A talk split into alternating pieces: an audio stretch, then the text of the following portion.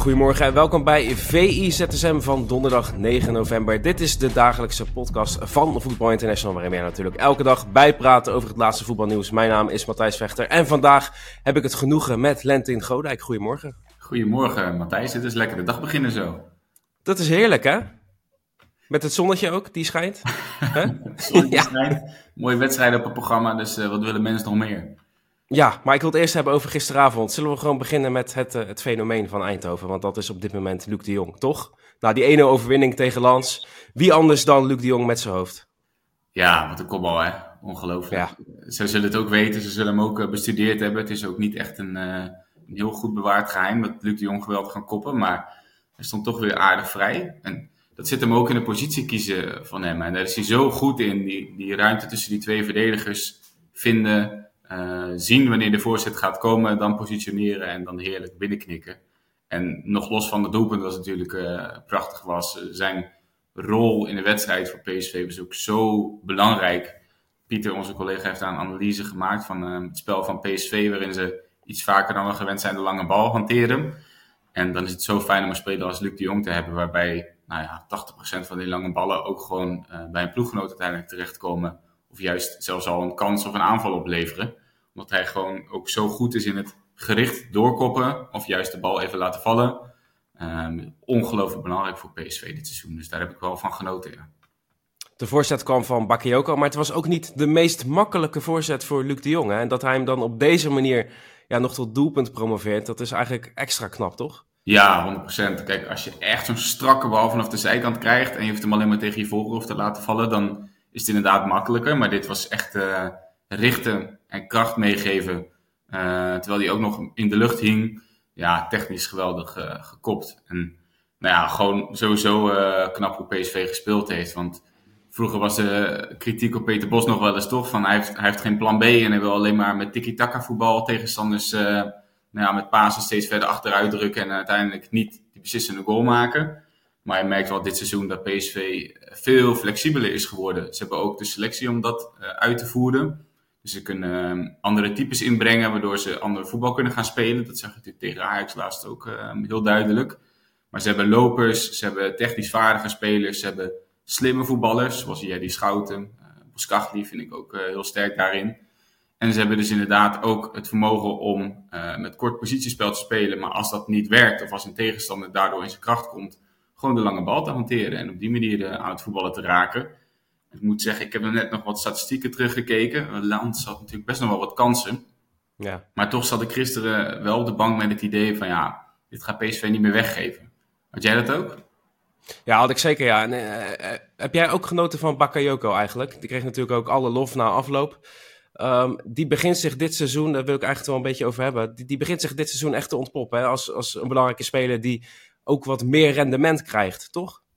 Ja, zeker. En sowieso met zijn dribbles uh, altijd zo gevaarlijk. Uh, binnendoor, buitenlangs. Hij heeft er heel veel variatie in. Hij um, is ook niet een speler die altijd maar de bal in zijn voeten vraagt, maar juist ook uh, weg kan bewegen.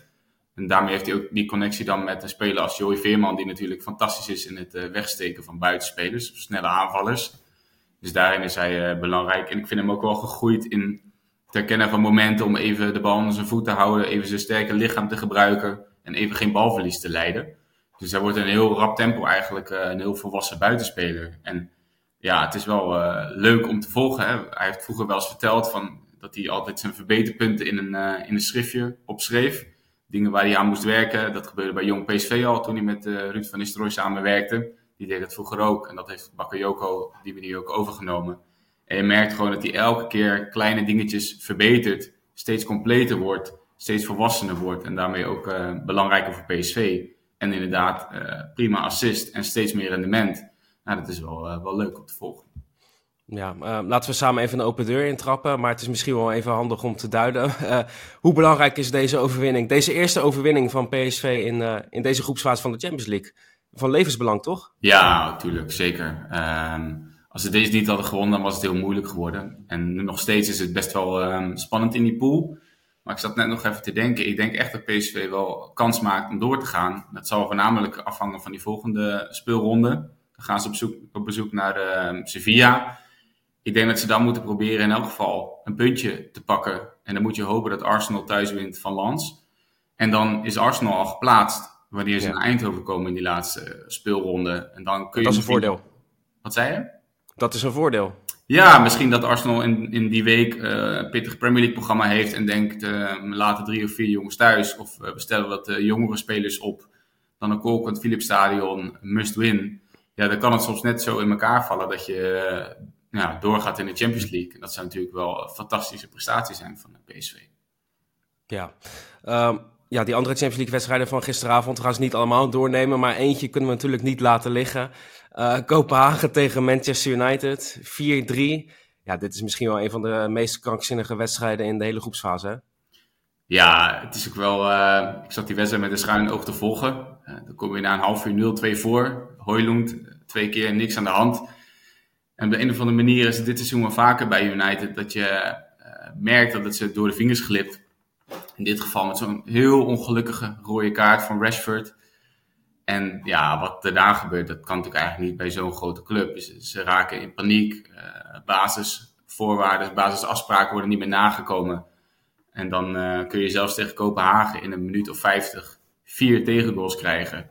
Als Man United zijn. Ja, dat mag natuurlijk, eh, mag natuurlijk niet. En er zaten best wel discutabele beslissingen bij. En had Ten Hag het ook achteraf over. Maar eh, de organisatie staat op dit moment gewoon niet goed genoeg. En als je met 10 man 0-2 voor staat, dan ga je wat verder achteruit. En dan speel je een wedstrijd volwassen uit.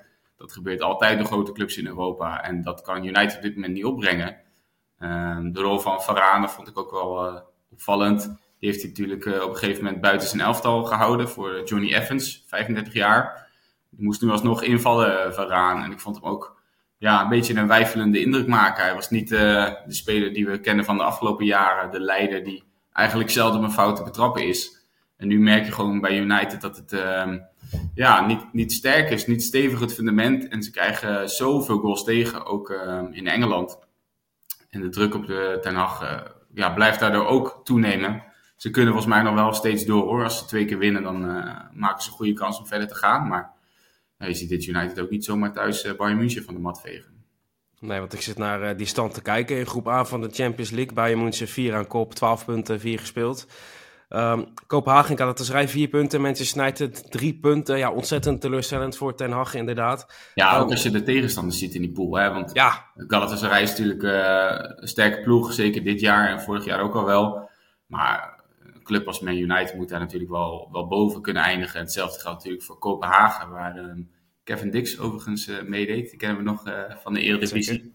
Boylissen kennen we ook nog eh, uit de Eredivisie. Ja, nou ja, opvallende uitspraak nog van Kevin Dix voor de wedstrijd. Die zei al dat Kopenhagen favoriet was. Ja, mooi toch? Ja, ik vond het wel met vertrouwen spelen hoor. En eh, ja, voor de supporters ook wel een magische avond toch. Beter wordt het niet. Dat je in de laatste 10 minuten nog eh 2-3 achterstand omzet, 4-3. Een match winnen van 17 jaar. Eh, ik zou me kunnen voorstellen dat die supporters eh, niet snel meer zo'n avond gaan beleven. Nee, dat is natuurlijk wel fantastisch inderdaad. Hey, zullen wij naar het eh, meest gelezen bericht op eh, VI Pro gaan? de vaste rubriek hier in eh VI ZSM. Heb jij trouwens al vijf sterren gegeven op Spotify aan VI ZSM? Eh, nee, dat was het plan zo even te Ben je dit? Ja, Oh. ongelooflijk hè? Nou ja, als jij dat doet en de rest van de luisteraars ook, dan, eh, dan stijgen we weer in de score natuurlijk. Het meest gelezen bericht van VI Pro ehm, is van jou, Lentin. Ja, die zagen gaat niet over aankomen? Nee, die zagen we niet aankomen inderdaad. Ja. Uniek geval hier bij Voetbal International in deze podcast. Nee, eh, zonder gekheid. Josep Sutelo spreekt zich uit over zijn moeizame start bij Ajax. Jij hebt hem gesproken. Ehm, wat was het voor een, eh, voor een gesprek, Lentin? Nou, het was een gesprek in het Kroatisch. Dus ik kan tolken. Oh ja, jij bent van je talen. ja, ik spreek net niet vloeiend Kroatisch, dus dat, ging net niet eh, perfect. Dus ik had toch maar iemand meegenomen die me eh, daarbij kon helpen. En eh, nou, je merkte wel aan hem dat, dat het hem goed deed. Hij had nog eigenlijk helemaal niet zijn verhaal gedaan of een interview gegeven sinds hij bij Ajax zit. Ehm, en op deze manier kon hij toch wat meer ehm, in zijn eigen taal zich wat beter uiten. Ehm, maar hij sprak eigenlijk heel zelfverzekerd. Had, had een goed verhaal. Hij zei ook van ja, ik heb even wat tijd nodig gehad om hier te wennen, ook aan de speelstijl. En natuurlijk zijn de ogen op hem ook extra gericht als er 20 miljoen voor betaald is, als hij bij zijn debuut meteen aanvoerder is. En hij had wel het idee dat soms eh, wel heel veel op hem gelet werd. Eh, dat zijn fouten ook wel wat enorm werden uitvergroot. het is natuurlijk ook wel zo, hij heeft ook wel veel dingen goed gedaan. Maar ja, je verwacht als buitenwacht ook van een speler die uh, nou, vaste waarde is bij Kroatië, dat hij ook wel uh, met die druk kan omgaan. Daar heeft hij moeite mee gehad. Maar ik vond het bijvoorbeeld tegen Heerenveen al wel uh, een heel stuk beter spelen. Je merkt dat hij er ook in groeit nu de organisatie bij Ajax wat beter staat. En daar heb ik het ook veel met hem over gehad. Want die speelstijl van Ajax, van echt hoog op het veld verdedigen, grote ruimtes, daar had hij moeite mee aan het begin. Dat vertelde hij zelf ook wel. Hij zei van ja, het, het is natuurlijk lang niet allemaal perfect gegaan. Maar zo slecht als iedereen het zegt hier in Nederland, dat is het volgens mij ook weer niet. Wat is volgens hem de, de voornaamste reden dat het bij hem uh, persoonlijk zo moeizaam is gegaan? Is het het, het voetballende, is het het aanpassen? Wat, wat is het geweest? Ja, ik denk toch ook wel communicatie. Um, en dat kun je natuurlijk ook wel voorstellen als je kijkt wie de afgelopen maanden om hem heen hebben gestaan. Uh, er zijn sowieso al heel veel wisselingen in geweest. Dus elke wedstrijd stond wel iemand anders voor hem, naast hem. Hij heeft nu een partner achterin, Juro Hato, die het geweldig doet, maar is een jongen van 17. En die gaat hem ook niet vertellen waar hij, uh, waar hij moet lopen. Uh, rechtsback, Anton Guy, heeft zijn handen vol. Op het middenveld zijn heel veel wisselingen. Spelers die sommige situaties ook misschien wel liever niet de bal willen hebben als ze onder druk komen te staan. En dan moet Soetelo het allemaal gaan verzinnen met de bal aan zijn voet. Nou, en daar schiet hij dan uh, op dit moment in tekort. Daar heeft hij zijn kwaliteit nog niet in kunnen tonen, maar de omstandigheden om te kunnen uitblinken, die zijn wel heel erg moeilijk geweest. En uiteindelijk verwacht je alsnog meer van hem. Maar uh, ja, de, de, voorwaarden om te presteren, zoals Hedwiges Maduro dat vaak uh, noemt, die waren eigenlijk totaal niet aanwezig. En ik denk als de veldbezetting wat duidelijker is, als de afspraken duidelijker zijn, dat hij ook veel meer uh, in zijn kracht gaat komen. Wil je nog iets prijsgeven of moeten de mensen gewoon maar even gaan lezen op, uh, op VPRO? Iets prijsgeven? Nou, hij heeft wel gereageerd op een aantal um, uitspraken hier in Nederland. Uh, onder meer van uh, Andy van der Meijden, die het had over uh, heimwee terug naar Kroatië. Maar ook ehm, de lessen van, van Mauri Stijn, zijn band met Sven Mislintat, die hem natuurlijk naar Ajax heeft gehaald. En het gaat ook nog over de Kroatische nationale ploeg. toernooi richting komende zomer, waar Kroatië nog wel flink aan de bak moet om zich te plaatsen. En ik vroeg hem ook nog van, wordt het dan de laatste van Luka Modric, 38 jaar? Zei ja, dat weet ik eigenlijk ook niet. dat moet ik. Ja, dat is natuurlijk wel een verschil ook uh, voor hem. Hè? Of je met Modric speelt, of met het middenveld van Ajax voor zich, denk ik. Ja, zeker. En uh, ja, nogmaals, hij vertelde bij Dynamo Zagreb had ik, was ik een van de jongere spelers en kon ik gewoon luisteren naar de ervaren jongens. Bij de Kroatische nationale ploeg heb je Brozovic, Kovacic en Modric voor je staan. Ja. Dat is een andere wereld. En hij was nog niet zo gewend aan de rol van meteen leiding geven in een nieuwe ploeg. Daar moet hij uh, wel in groeien. Ja. Hey, zullen we het hebben over een, uh, een oud-trainer van Ajax... voordat we vooruitblikken op, op de wedstrijd van vanavond tussen Ajax en Brighton? Want Alfred Schreuder, ja, die heeft geen baan meer. Die is ontslagen bij Al Ain na een paar maanden al. Um, ja, kwam dat als een verrassing voor jou, dat bericht? Ja, het zat er Meest gelezen trouwens hè, op v.nl. Ja, ja, ja. Het zat eraan te komen, Matthijs. Hè? Als je maar 13 van die 15 wedstrijden wint. Zijn natuurlijk... Uh... Slecht, hè? Ja. Is niet ja, best. Bijzonder, ja, natuurlijk geweldige resultaten daar. Maar uh, in, in die wereld, in die landen, uh, gelden ook andere wetten. Ze hadden het in een statement over nou, de relatie tussen Schreuder en zijn staf... en de clubleiding, verschil van inzicht dat dat op een gegeven moment de reden was om, uh, om die knoop door te hakken. Ja, het lijkt me wel moeilijk werk hoor. Uh, je moet als trainer uh, ja, proberen te focussen op de groei van je elftal, op het spel, op het veld. Maar er zijn zoveel andere belangen die, die ook meewegen, meespelen. ja, daar is blijkbaar een, een breuk in gekomen. En er werd ontslagen. En volgens mij tien minuten later hadden ze een opvolger gepresenteerd. Hernan Crespo. Ja, die vind ik best wel opvallend. Ja, de opvolger van Alfred Schreuder is Hernan Crespo. ja, dat is een ander type. Dat, dat, ja, dat bericht, uh, ik had niet verwacht dat ik dat ooit zou gaan lezen, dat bericht. Nee, Tim is al wel een paar jaar aan de weg, uh, als trainer. Maar nee, ja, opvallend en ook wel weer veelzeggend. Zo'n grote naam die je dan binnenhaalt, die natuurlijk goed doet, ook internationaal weer wat aandacht oplevert. Dat heeft Schreuder natuurlijk minder. Dit is uitstekende veldtrainer, maar misschien is hij op dat gebied van het relatie onderhouden met zo'n clubleiding net iets te kort geschoten. Maar ik ben benieuwd wat zijn volgende project gaat worden. Ja, um, dan gaan we het hebben over die wedstrijd van vanavond in de Europa League natuurlijk. Tussen Ajax en uh, Brighton. Jij gaat er naartoe, naar de Johan Cruijff Arena. je bent gisteren al in de Johan Cruijff Arena geweest. Je hebt de nodige persconferentie gezien, ook van Roberto de Zerbi van, van Brighton. Wat is jou blijven hangen na zijn ja, uitspraken? Ja, toch wel, wel leuk. Altijd wel mooi om het, om het respect te horen van zo'n toch wel grote naam in de trainerswereld over een club als Ajax. Dat hij zijn ogen uit heeft gekeken, maar ook dat hij um, als trainer toch ook wel enorm geïnspireerd is door Ajax en door de historie van Ajax. Hij zei, uh, eigenlijk heeft Ajax ons allemaal leren voetballen in het verleden. En uh, nou, hij vertelt, ik heb daar veel van geleerd. En je ziet nu eigenlijk dat hij bij Brighton doet wat Ajax misschien afgelopen zomer ook wel voor ogen had. Dus heel veel buitenlandse talentvolle jongens binnenhalen, een structuur neerzetten waarin zij kunnen uitblinken. En dan nou, attractief aanvallend voetbal spelen. Ik heb net nog even opgezocht. Brighton heeft de afgelopen twee jaar 23 spelers gehaald, waarvan twee Engelsen. Dus het kan wel met veel buitenlandse jongens en zelfs ook een buitenlandse trainer. Want er zijn zoveel vastigheden, zoveel patronen in die ploeg. Iedereen weet wat hij moet doen. Twee weken geleden was ik ook bij die wedstrijd in Engeland. Het is echt, uh, ja, je kijkt je ogen uit als je Brighton live ziet spelen. De driehoekjes, de positiewisselingen, de spelintelligentie bij veel spelers, uh, de coaching op het veld.